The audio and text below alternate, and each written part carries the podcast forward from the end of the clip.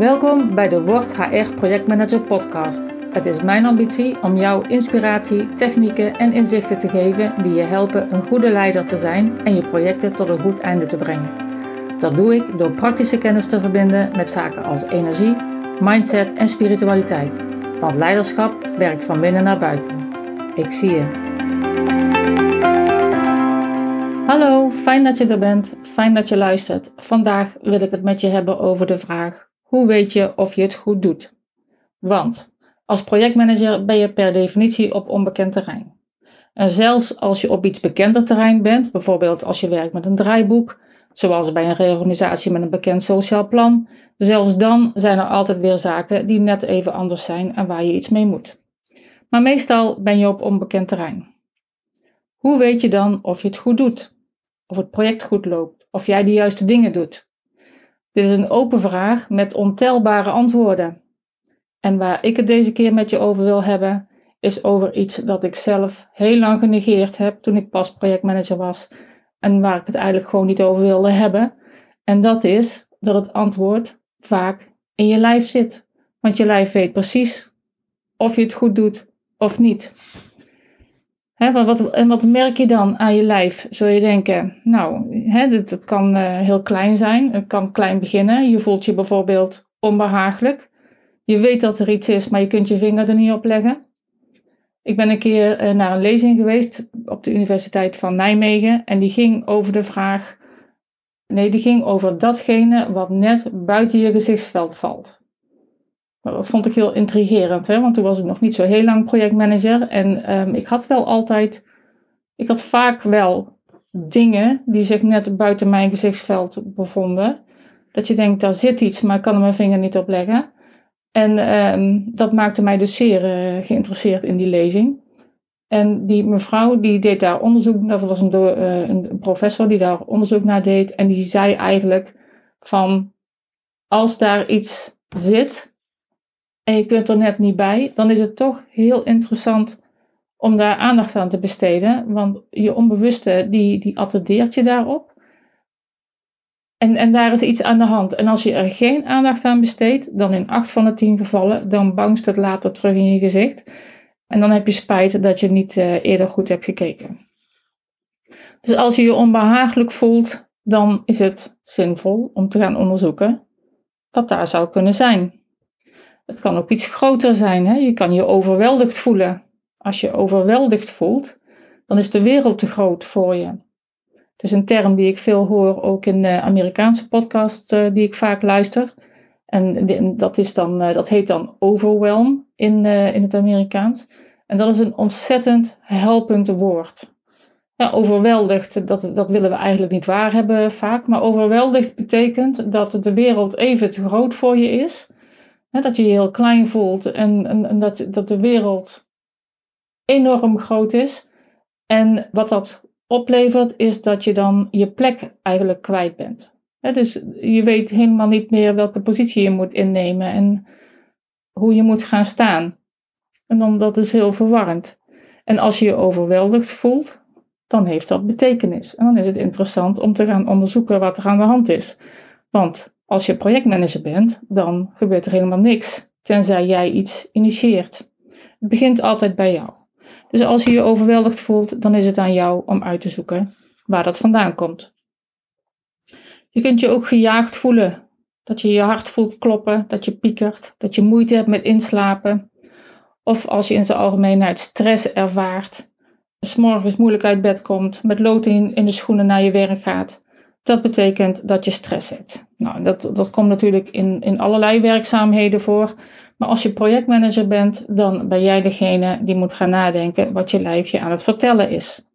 En het antwoord vind je op drie gebieden mogelijk. En de eerste waar je gaat zoeken is bij jezelf. Want alles begint bij jezelf. Jij bent als projectmanager leider van de verandering. Dus het hele project begint bij jou. En je zult merken dat eigenlijk niemand in beweging komt tenzij jij iets initieert. Dus de vraag is, als je naar jezelf kijkt, doe ik iets niet goed? Ben ik misschien onduidelijk? Heb ik mijn verwachtingen niet goed gecommuniceerd? Heb ik slechte afspraken of niet smart afspraken gemaakt? Geef ik te veel ruimte aan mijn team? Had ik nee moeten zeggen? En nee zeggen is wel echt een dingetje, hè? want uh, vooral in het begin van een project, dan is iedereen super enthousiast. Mensen hebben het e-, ene idee naar het andere. Um, jij hebt een plan gemaakt met je team en iedere keer weer als je uh, mensen rondom je project uh, spreekt, komen ze met steeds weer nieuwe ideeën. Zou het nou niet leuk zijn als, zou dit er nou niet mooi bij passen? Als je nou toch bezig bent, zou je dan niet dit erbij kunnen nemen? Het ene idee is nog beter dan het andere. Nou, en het probleem met uh, nieuwe ideeën is, dat, het, dat geeft wel heel vaak energie, maar hoe meer ideeën jij accepteert in je projectplan, hoe minder ruimte jij hebt om je plan uit te voeren. En dan, dan moet je eigenlijk nee zeggen. Dat, dat, daar hebben ze een heel mooi woord voor, dat heet scope creep. Je scope is, uh, is dat stuk, uh, het plan van aanpak wat je gemaakt hebt. En uh, scope creep wil zeggen dat er dan steeds iets bij komt. En als je dat net iets te vaak doet, dan wordt je project zo groot dat je niet eens meer weet hoe je moet beginnen en, uh, en hoe je het af moet krijgen. Dus dat, is, dat, dat kan heel veel stress veroorzaken. Is er iets buiten mijn gezichtsveld, net buiten mijn gezichtsveld, dat ik uh, eigenlijk zou moeten onderzoeken? Weet ik wat ik moet doen? Weet ik wat mijn volgende stap is? Als projectmanager gebeurt er van alles en jij bent de hele tijd bezig met de vraag: oké, wat, wat, wat gebeurt er nu? Wat betekent dat? Uh, welke betekenis geef ik aan wat er nu gebeurt en wat is dan mijn volgende stap? En soms heb je daar geen inspiratie voor. Dan moet je je best doen om uh, daar iets op te vinden. Maar als je uh, niet weet wat je volgende stap is, dan kan dat heel stressvol zijn. Andere vraag die je jezelf kan stellen: ben ik mezelf nou echt overbodig aan het maken? Want dat is jouw taak als projectmanager. Je bent iets tijdelijks aan het doen. En soms komt het voor dat je een combi-functie hebt. Hè? Dan ben je HR-manager en projectmanager. En dan ben je een project aan het doen op een stukje waar jij in je, in je HR-managerwerk eh, ook van bent. In dat geval hoef je jezelf niet per se overbodig te maken. Maar als je echt zuiver projectmanager bent en je bent bijvoorbeeld bezig met het uh, implementeren van een arbodienst, dan is, dan is het niet goed als jij mevrouw arbodienst wordt. Als alle vragen over die arbodienst bij jou blijven uitkomen. Op enig moment heb je die arbodienst aangesloten en dan moet jij nadenken wie in de organisatie wat moet met die arbodienst. He, dus of er een functioneel beheerder nodig is, of dat HR support daar iets mee moet, uh, alle processen zijn uitgewerkt. En op enig moment heb jij jezelf overbodig gemaakt. Ik spreek heel veel uh, projectmanagers en die hebben best wel veel stress aan het einde van hun project, omdat ze eigenlijk niet weten hoe ze het project moeten afknopen en omdat de organisatie het eigenlijk wel gemakkelijk vinden dat jij ervan bent. Maar het is jouw taak om jezelf overbodig te maken en je lijf weet dat. En als je dat dus niet aan het doen bent, dan zal je lijf je dat vertellen. En de laatste vraag die je aan jezelf kunt stellen uh, in, in dit kader is: ben ik nou boven mijn macht bezig? Is het project te groot, te complex? Zijn mijn stakeholders onbereikbaar voor mij?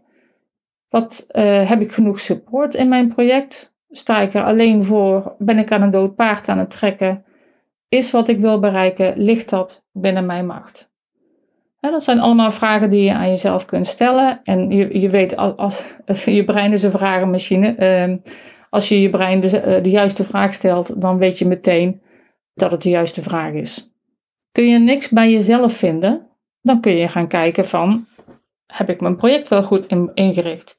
Heb ik een plan? Heb, is het een goed plan? Is het afgestemd? Is het te groot?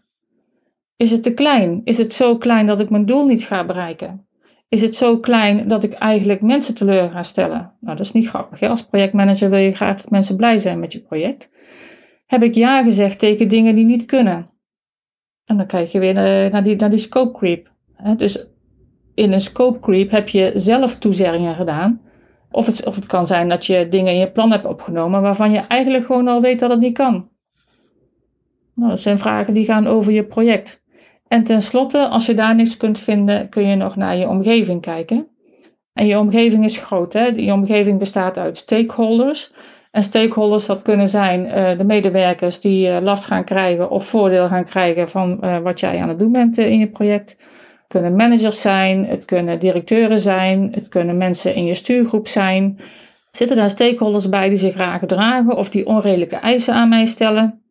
Ik heb bijvoorbeeld een keer een project gehad waarin ik best een zware stuurgroep had. Daar zaten vijf directeuren in.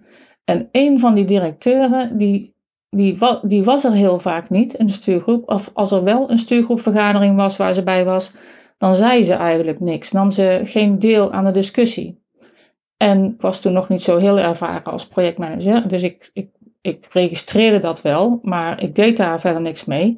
En toen ik bijna klaar was, op, toen ik op drie vierde van mijn project was, kwam ik erachter dat zij eigenlijk een fel tegenstander was van wat ik daar probeerde te doen. Hè, en wat ik daar probeerde te doen conform mijn opdracht. En dan is het dan uh, best lastig om dat dan weer recht te trekken. Nou, er zijn ook methoden voor natuurlijk. Maar zo'n stakeholder, die kan, die kan er wel uh, ervoor zorgen dat jij een slecht gevoel hebt. Dat is dan niet het primaire doel van die stakeholder. Maar dat is dan wel het effect wat dat brengt. Um, zijn er mensen in mijn team die ja zeggen en nee doen? Nou, dat doen ze vaak niet expres. Soms zitten er mensen in je team die geen nee kunnen zeggen en vervolgens zeggen dat ze het doen en het niet gaan doen. Soms dan zijn ze oprecht van plan om het te gaan doen, omdat ze het heel erg leuk vinden in jouw project, maar moeten ze van hun leidinggevende andere dingen doen. En, soms willen ze het gewoon echt heel graag, uh, houdt de leidinggevende zich erbuiten en hebben ze gewoon te veel werk, te veel prioriteiten, te veel deadlines om echt goed bij te dragen aan jouw project. Of is er bij jou thuis iets aan de hand? Hè? Dat kan ook, hè? dat er uh, iets aan de hand is. En in alle gevallen geldt, jij bent degene die erachter moet komen waarom jij je slecht voelt. Want het is niet fijn om je uh, gejaagd te voelen. Het is niet fijn om je overweldigd te voelen. En het is ook niet fijn om je onbehagelijk te voelen. En jij bent degene die moet gaan zoeken waar het dan in zit. Nou, en om het dan nog een beetje uh, interessant te houden, is daar ook nog het Dunning-Kruger effect. Het Dunning-Kruger effect is echt geweldig als je dat een beetje snapt. Dat heeft mij in heel veel situaties geholpen. Het Dunning-Kruger effect is een bias, een cognitieve bias. En dat betekent dat mensen vaak denken dat ze slimmer en vaardiger zijn dan ze daadwerkelijk zijn. Sterker nog, hoe minder mensen iets weten van een onderwerp, hoe meer ze denken dat ze er verstand van hebben. En aan de andere kant, hoe meer mensen weten van een onderwerp, hoe minder ze denken dat ze er verstand van hebben. Dus soms stellen mensen zich bescheiden op, omdat ze er gewoon heel veel van weten. En soms hebben mensen een, grote mond, terwijl ze er eigenlijk helemaal niets van weten. Nou, ga er maar aan staan. Dat is nog een hoop onderzoek dat je hebt te doen naar jezelf, of naar de kwaliteit van je project, of naar je omgeving. En iedereen kan last hebben van het Dunning-Kruger effect. Jijzelf, je omgeving, je projectteam, iedereen. Nou, hoe los je dat nou op? Dat los je maar op één manier op en dat is door heel veel vragen te stellen. Neem niks aan. Denk nooit dat je iets begrijpt, want je hebt geen idee. Zelfs als je denkt, nou, ik begrijp helemaal wat die mensen zeggen, dan nog toets je je beeld bij iedereen. je toets je beeld uh, over een inhoudelijk stukje van je project. Je toets je beeld over je eigen inzet en betrokkenheid. Je toets je beeld over je eigen vaardigheid. Je toets je beeld over de keuzes die je maakt. Je toets je beeld over de diagnoses die je stelt over je situatie of over jezelf of over andere mensen. Je toetst je beeld en zorg dat je het niet te eenzijdig toetst. want uh, andere mensen weten eigenlijk net zoveel als jij. Hè? Dus het kan nooit zo zijn dat één persoon het wel weet. Dus, uh, jij hebt je een oordeel te vormen aan de hand van wat verschillende mensen zeggen. En je zult merken dat je dan tot inzicht komt en dan helpt het om te weten dat projectmanagement een vak is en dat er altijd een oplossing is. Er is projectmatig altijd een oplossing. En het is aan jou om die oplossing te vinden. Veel succes! Vond je dit nuttig? Deel deze podcast dan heel graag met anderen van wie jij denkt dat ze er wat aan kunnen hebben. Of, nog interessanter, geef me 5 sterren, daar zou je me echt heel blij mee maken. Wil je meer weten van HR projectmanagement? Meld je dan aan voor de gratis introductietraining. Je vindt de link in de show notes. Ik zie je